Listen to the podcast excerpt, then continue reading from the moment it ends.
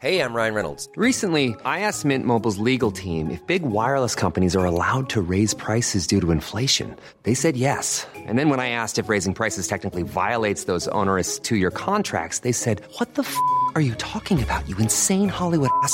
So to recap, we're cutting the price of Mint Unlimited from $30 a month to just $15 a month. Give it a try at mintmobile.com slash switch. $45 upfront for three months plus taxes and fees. Promo rate for new customers for limited time. Unlimited more than 40 gigabytes per month. Slows. Full terms at mintmobile.com.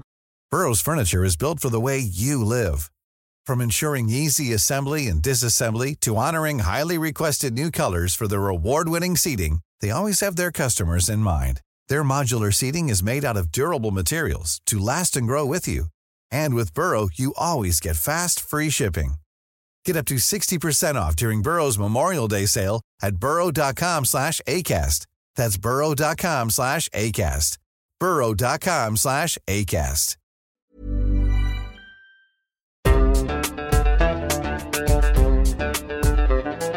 بودكاست صوت مرحبا أنا رنا داوود وهيدا بودكاست دمتك. وصلنا لنهاية الموسم اللي حكينا لكم على مداره قصص انعجنت بالموسيقى. بهاي المناسبة عم نستعير حلقة من بودكاست عيب الغني عن التعريف من إنتاجنا بصوت. الموسم العاشر من عيب كان مخصص للرسائل الشخصية. فرجينا مساحة البوح اللي بتتيحها هاي الوسيلة من التعبير. بهاي الحلقة اللي رح نسمعكم إياها اليوم زميلتنا تالا قررت تفتش عن قصة أغنية كانت انكتبت بصيغة رسالة. الأغنية هي مرسال لحبيبتي اللي يمكن كتار منكم عشق عليها وتبادلها مع اللي بتحبوها وبتحبوها. استمتعوا بهيدا الحوار مع الشاعر اللي ألف مرسال لحبيبتي.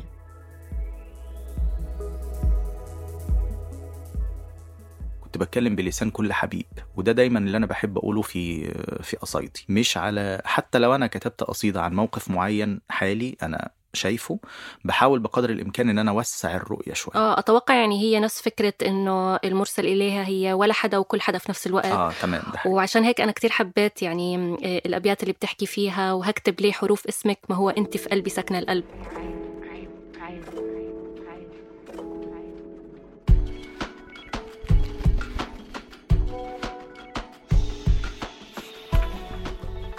عبر التاريخ اتغيرت طرق تواصلنا كتير بس الأكيد إنه الرسائل كيف ما صار شكلها بتشبع حاجة البشر للتعبير والتلاقي مع الآخر. ممكن نعتبر الرسائل فن تحادث في شوية تروي أكثر من الحوار الوجاهي اللي ممكن يسبب انفعال مثلاً. وبنفس الوقت ممكن نعتبرها أقل ذاتية من كتابة المذكرات يمكن لأنها بتخاطب الآخر. الآخر الحاضر فعلا. بس بعيد عنا مسافة تسمح لنا نحكي أشياء بالرسالة ممكن ما نتجرأ نحكيها لو كان قريب. أنا تالا حلاوة من فريق صوت.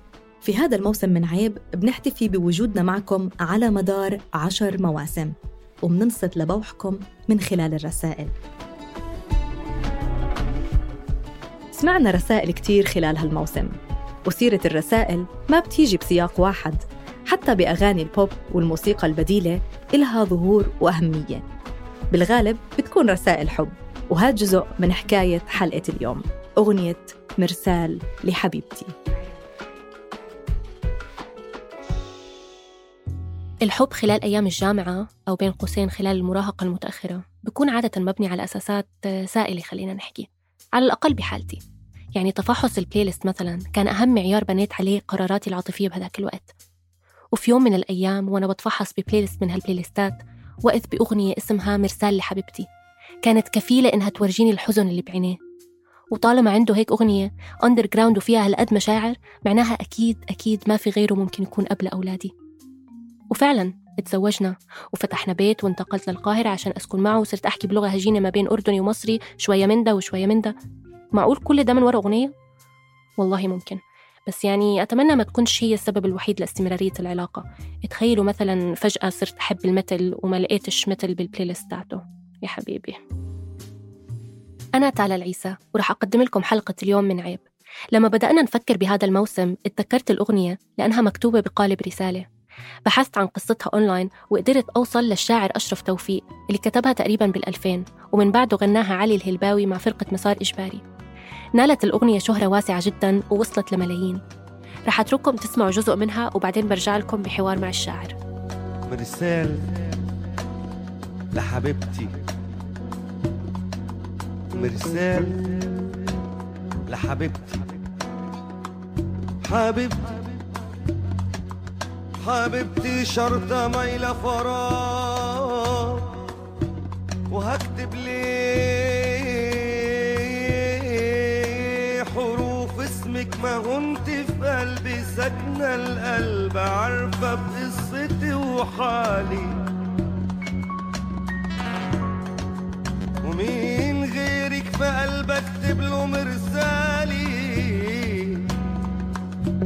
أما بعد مانيش عارف ده جوابك كام ما عنتش بحسب الصفحات ما عنتش بحسب الاقلام ما عنتش بحسب اللي ضاع من الاوهام كفاية إني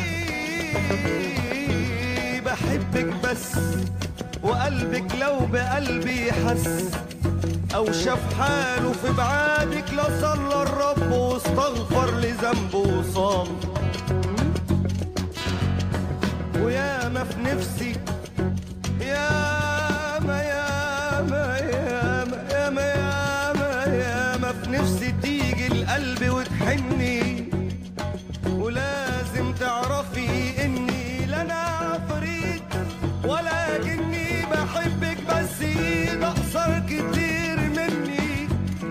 فمش هقدر أجيب لك منتهى الكفة وأجيب لك الياقوت كفة ومش هقدر أجيب الوالي في الزفة ومش هقدر أجيب لك بيت يموت القطر لو لف في حماه لفه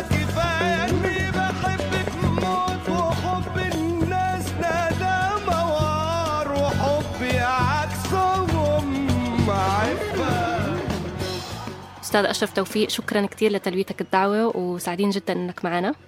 آه، بداية عرفنا عن نفسك. آه، أنا أولا سعيد جدا إن أنا معكم النهاردة. أنا اسمي أشرف توفيق كاتب وشاعر ومؤلف درامي. طيب خلينا ندخل يعني على طول بقى في الموضوع. آه، قول لنا قصة الأغنية اللي نالت الشهرة يعني اللي, كلنا عارفينها. احكي لنا أنت كتبتها إمتى وليه أو لمين؟ هي قصيدة مرسال لحبيبتي. هي قصيدة اتكتبت مع مجموعة من القصايد أيام الجامعة. أيام الجامعة. عشان كده الديوان نفسه اللي نزلت فيه القصيدة مرسال لحبيبتي كان مجمع ليه عدد من القصايد اللي هي تعبر عن المشاعر المرهفة لمراهق أو حد ممكن يكون مش لأول مرة ولكن بمستوى أكبر بقى موجود مع شلل وموجود مع بنات وموجود مع مع هذه العلاقات اللي بتترابط فجأة. فحبيت إن أنا أحط فيها كل ما يمس وكل ما يمكن أن يعبر عن أي حبيب يعني حبيب عايز يقول لحبيبته إيه. وخصوصا إذا كانت حبيبته يعني زي ما بيقولوا بالمصري كده. كرفاه يعني. ولفت انتباهي لما حكيتك أول مرة إنه آم، يبدو إنك ما كتبتها لشخص معين. على عكس الصحافة دايما لما تسألك أو أي حد لما يسألك آه، آه، بيفكروا إنه مثلا في حد معين في بالك طب آه، بعت لها رسالة طب وصلتها الرسالة إذا ما بعت لهاش أكيد سمعتها. بس قلت لي وقتها إنك ما كتبتهاش لحدا معين. صح؟ ده حقيقي. هو أنا عندي حاجة ممكن شوية يعني في بعض الشعراء أو بعض الكتاب بيقولوا إحنا ما بنعرفش نكتب إلا في خلال من خلال تجربة واقعة الآن أو من خلال دفقه شعورية موجودة يعني دلوقتي. في بعض الآخرين مش أنا لوحدي بس اللي هو بيحتاج إن تنضج التجربة زي ما بيقولوا. يعني هي التجربة بتبقى موجودة ولكن مش لازم تكون آنية دلوقتي. لأن أنا بحس في إن أنا في فورة الانفعال بأي مشاعر أو بأي تجربة أنا بمر بيها بيبقى الكلام انفعالي أكتر ومباشر أكتر ومحدد للشخص نفسه أو للفكرة نفسها اللي بواجهها أو المشاعر اللي أنا بواجهها دلوقتي.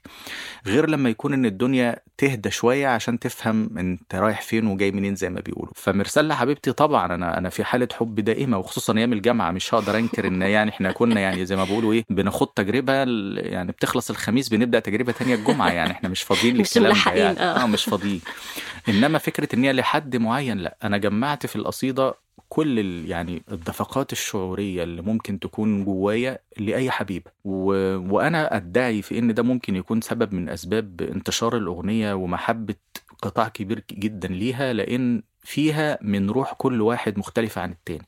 يعني الواحد اللي عايز يعلن حبه للعالم لحبيبته هيكتشف إن في أبيات خاصة بيه. الواحد اللي بيغير جدا على حبيبته هيكتشف إن هو وغير يشوفه يتحسر ولا يشمه. الواحد اللي هو عايز يصرح باسم حبيبته هيلاقي الواحد فهي شاملة يعني آه. يعني اللي أقصده ما أقصدش فكرة إن أنا يعني عملت اللي ما فيش حد عمله إنما بتكلم في ان لأن أنا كنت بتكلم بصورة عامة كنت بتكلم بلسان كل حبيب وده دايما اللي أنا بحب أقوله في في قصايدي مش على حتى لو أنا كتبت قصيدة عن موقف معين حالي أنا شايفه بحاول بقدر الإمكان إن أنا أوسع الرؤية شوية آه أتوقع يعني هي نفس فكرة إنه المرسل إليها هي ولا حدا وكل حدا في نفس الوقت آه تمام ده. وعشان هيك أنا كتير حبيت يعني الأبيات اللي بتحكي فيها وهكتب ليه حروف اسمك ما هو أنت في قلبي ساكنة القلب مم، يعني. زي كأنك أنت غنية عن التعريف فأنا آه، أصلا. مش لازم يعني أحددك بشخص واحد لأنك أنت زي ما حكيت آه، تجربة تجربة شاملة وممكن يكون فيها مشاعر مختلطة ومتضاربة طب في ال- البنات اللي مثلا كنت مرتبط بيهم بهذيك الفترة هل مثلا لما سمعوا الغنية أو لما قرأوا القصيدة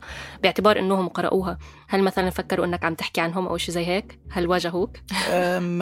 لا يعني هو يمكن هم يكونوا يعني زي ما بيقولوا يعني سستموا أمورهم على على على إن أشرف ده شاعر فيعني إيه خديه على عيبه وما تصدقيش الكلام اللي بيكتبه في القصايد. فيعني فهي إيه ال- لأن في كلامنا العادي كنا بنقول كلام لطيف جدا مش عايزين نقوله دلوقتي للمستمعين يعني كنا بنقول كلام لطيف ألطف من الشعر يعني إحنا برضو جامدين يعني. ف...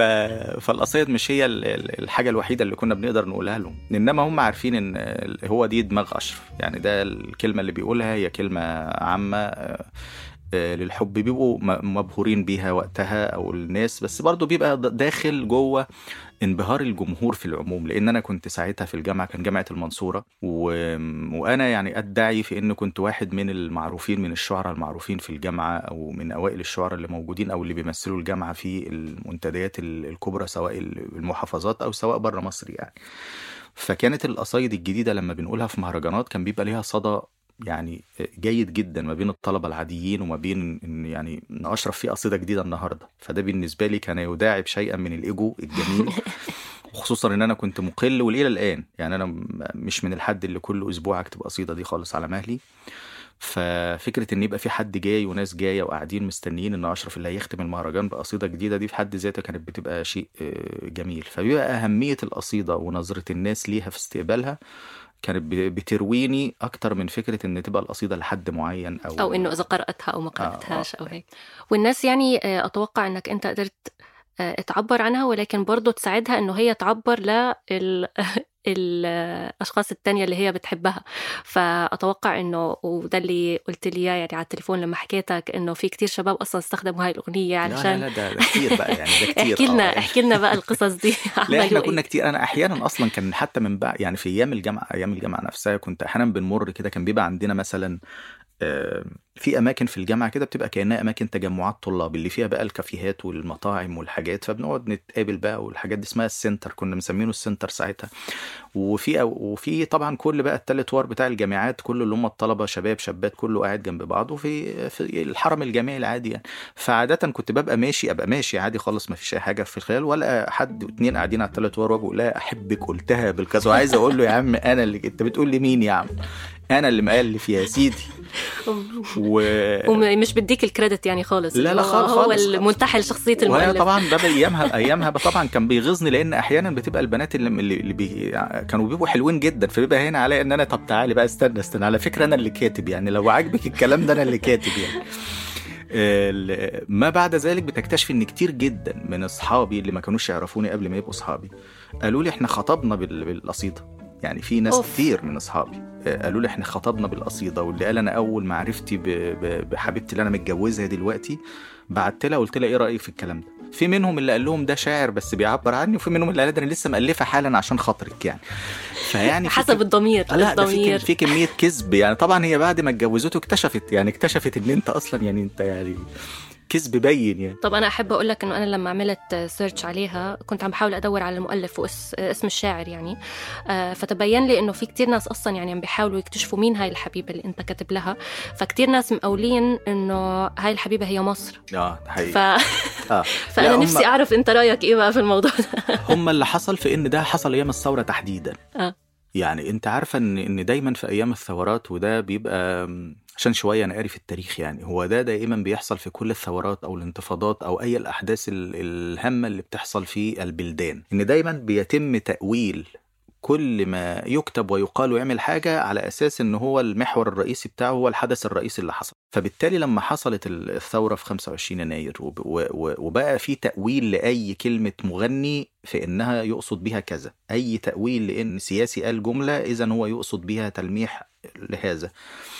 فالناس من حبها في القصيدة ما قبل ذلك قال لك طب ما والله تمشي المصري يعني. بتسقطها يعني على أي حاجة هو أي حاجة. حلوة يعني فاهمة؟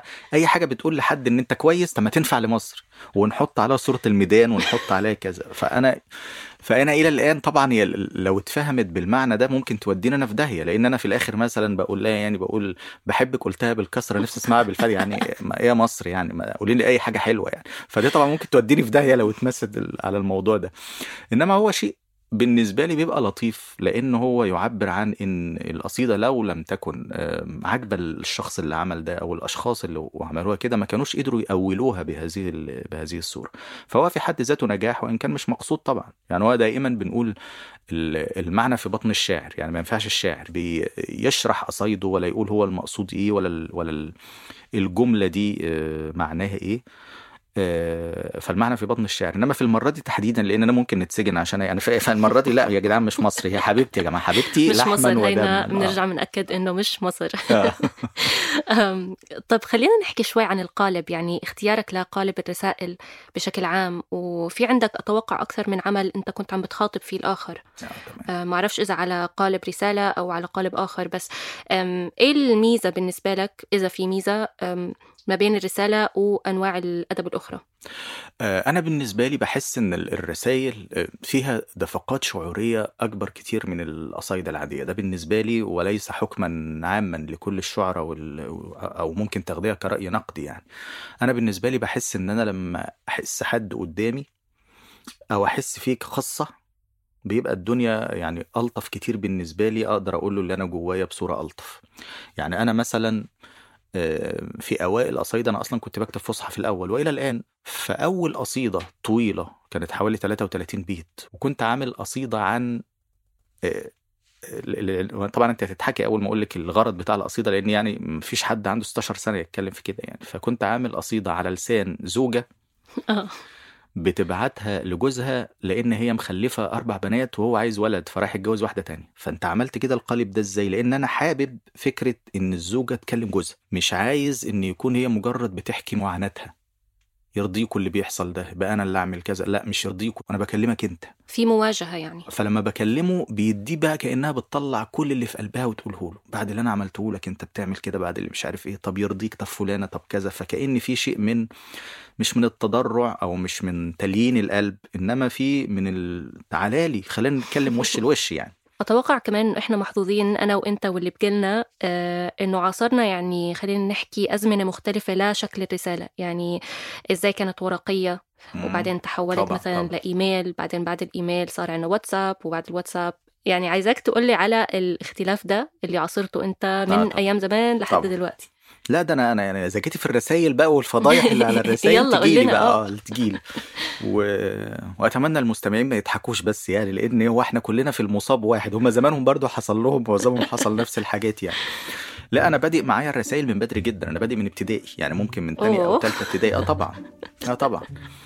أنا أنا الفكرة معايا في إن أنا كنت شاطر جدا في المدرسة. يعتبر أشطر حد في المدرسة. فكان أشرف هو ال- المتفوق اللي عليه لو مثلا في ال- الموجه جاي يشوف الفصل فاذا أشرف هو اول أول يحطوك بالواجهة. هو أشرف اللي مش عارف إيه.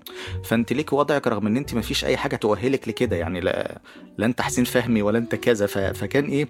فكرة إن بيبقى عليكي من وأنت صغيرة البنات الصغيرة آه، عايزين يروحوا للولد الشاطر الصغير. ما فيش حب ولا نيلة بس هو يعني إيه؟ هو فكرة إن يلا يا جماعة الشاطر مع الشاطر يلا ن- ننبسط يعني. فطبعا في في هذا العمر الصغير فأنت بيعجبك جدا برضو البنت الشاطرة. ما هو أنا شاطر. فالبنت الشاطرة اللي بتبقى دايما معايا في في التخته القدامانية برضو وجنبي شاطرة. فاذا إحنا بينا عارفه أنت إحنا بينا حاجات مشتركة. مشتركة، آه آه. إحنا بينا حاجات مشتركة. إحنا بينا تخته مشتركة. فتبدأ بقى بالصغير اللي هو طبعا أنت لسه بتكتبي ثالثه ابتدائي فبتكتب إلى فلانة. آه يعني مش عارف إيه. وكلام أصلا أنا إلى الآن مش فاهم وأنا يعني اللي كتبته إزاي ولا كده. فتاخده وبعد مثلا يومين ثلاثة تيجي تقول لا أصل أخويا شافه أخوك مين اللي شاف أخوها طبعا في رابعة ابتدائي فحاجة يعني أنت عايشة في رعب وأنا مش عارف إيه اللي هيحدث في هذا الكوكب عشان أخوها اللي في رابعة ابتدائي وخمسه ابتدائي شاف الورق اللي أصلا مش مكتوب فيها حاجة الواحدة في ثالثه ابتدائي. فيعني قصص من دي. تدخلي بعد شوية آه، تدخلي فترة ال- الإعدادي والثانوي طبعا آه، من الورق الصغير المكرمش اللي انت ممكن تحطيه لطالبة في ابتدائي وصلنا بقى في الثانوي بعد شوية لورق الجوابات. ودي مم. حاجة ممكن يكون الجيل الجديد ما يعرفش إن كان في حاجة أصلا اسمها ورق جوابات العادي الملون. آه. يعني دفتر كده بي بي يعني بيتشرى على بعضه وبتقطعي منه معمول عليه بقى شكل وردة وشكل كذا وحاجة لطيفة وحلوة كده.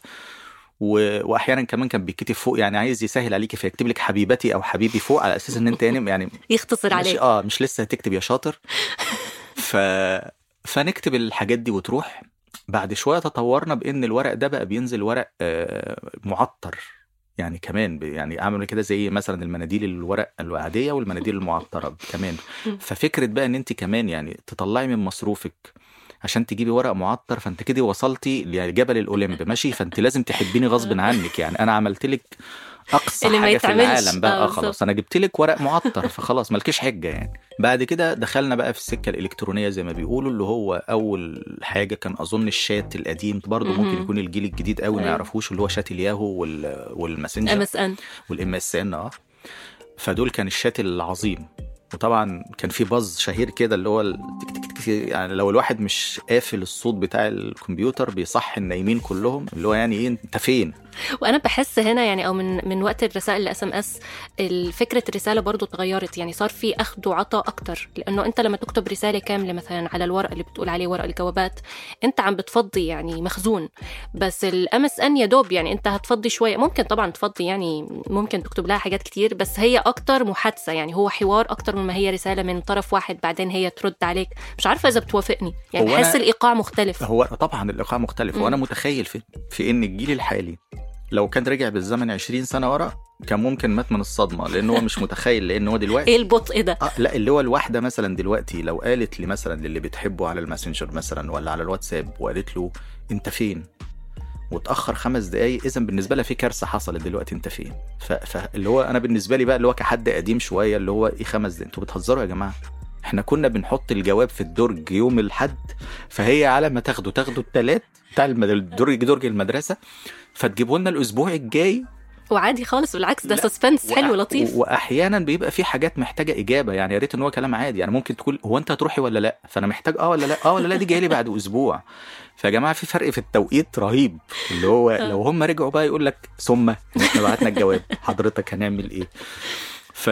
فلا الوضع كان مختلف جدا وكان عندنا براح. بتقولي في الجواب اللي انت عايزاه ممكن ما تكتبي صفحة صفحتين ثلاثة بتقولي. كل اللي جواكي في تدفق يعني. واحيانا بتكتبي كل اللي حصل لك. ما هو الحب برضه في إن هي عايزة تعرف وأنا عايز أعرف. إيه اللي حصل؟ إيه اللي حصل مع أخواتك؟ رحت الدرس إيه اللي حصل؟ إيه اللي ضايقك؟ إيه اللي مش عارف إيه؟ ده كله ما بنعرفش نتكلم.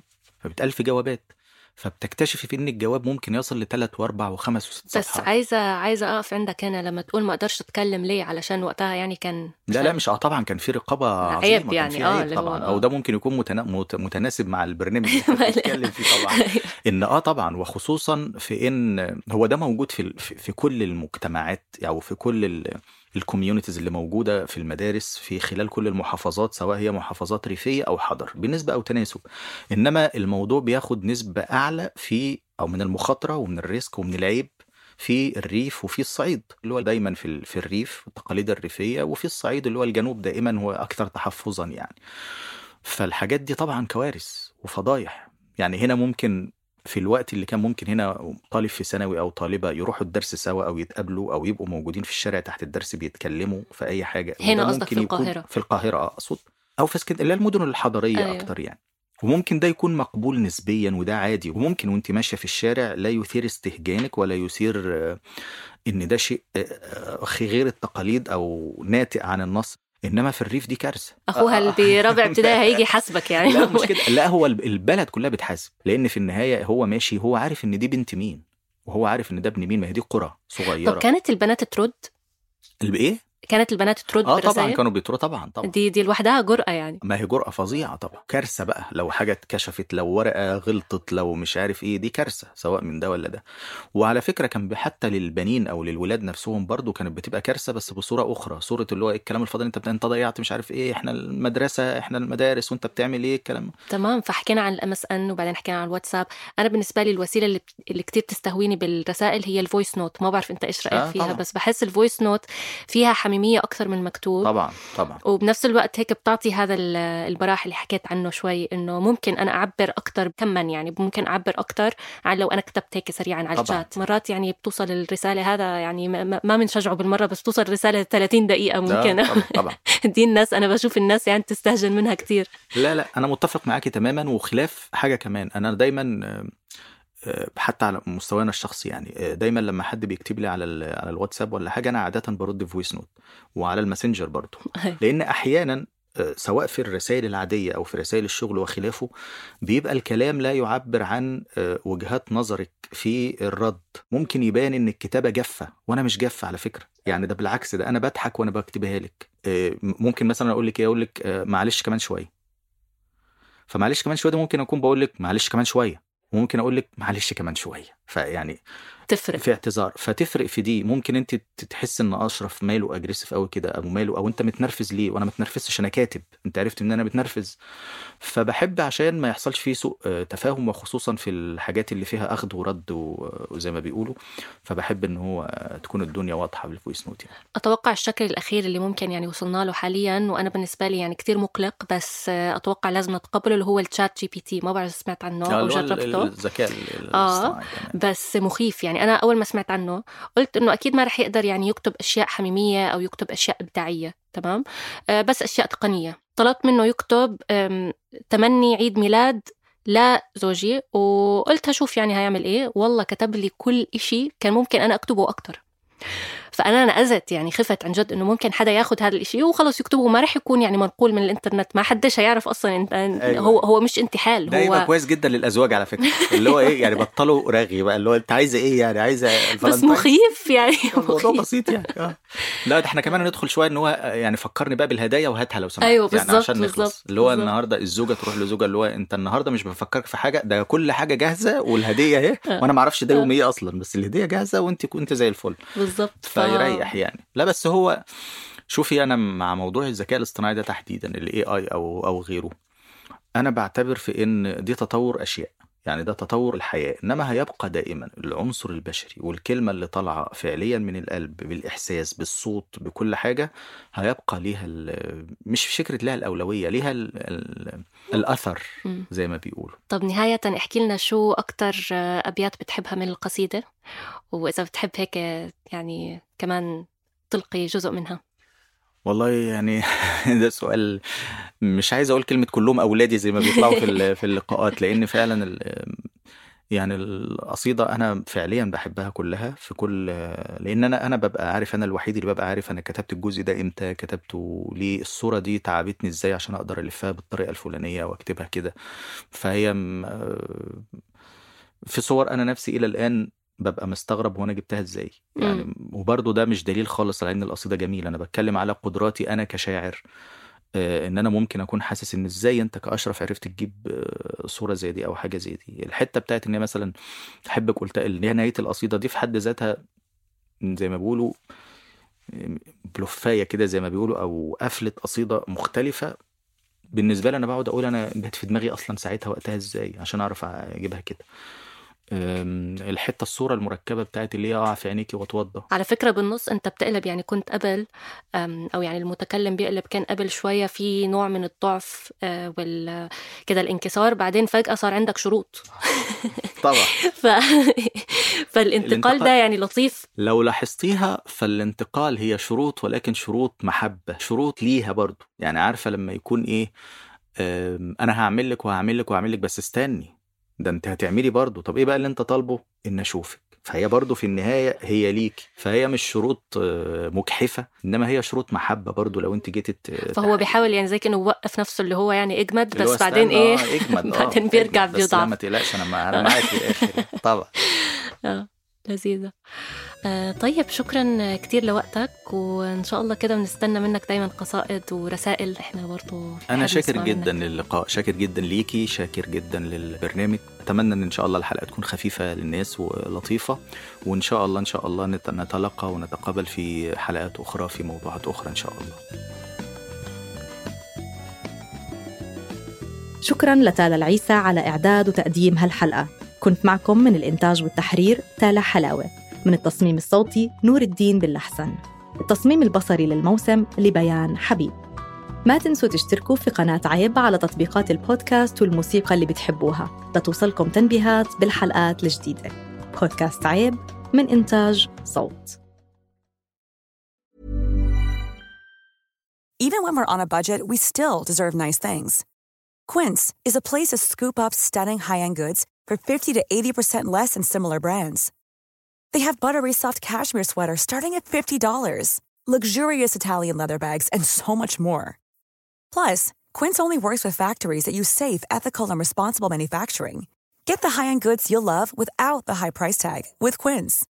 Go to quince.com/style for free shipping and 365-day returns.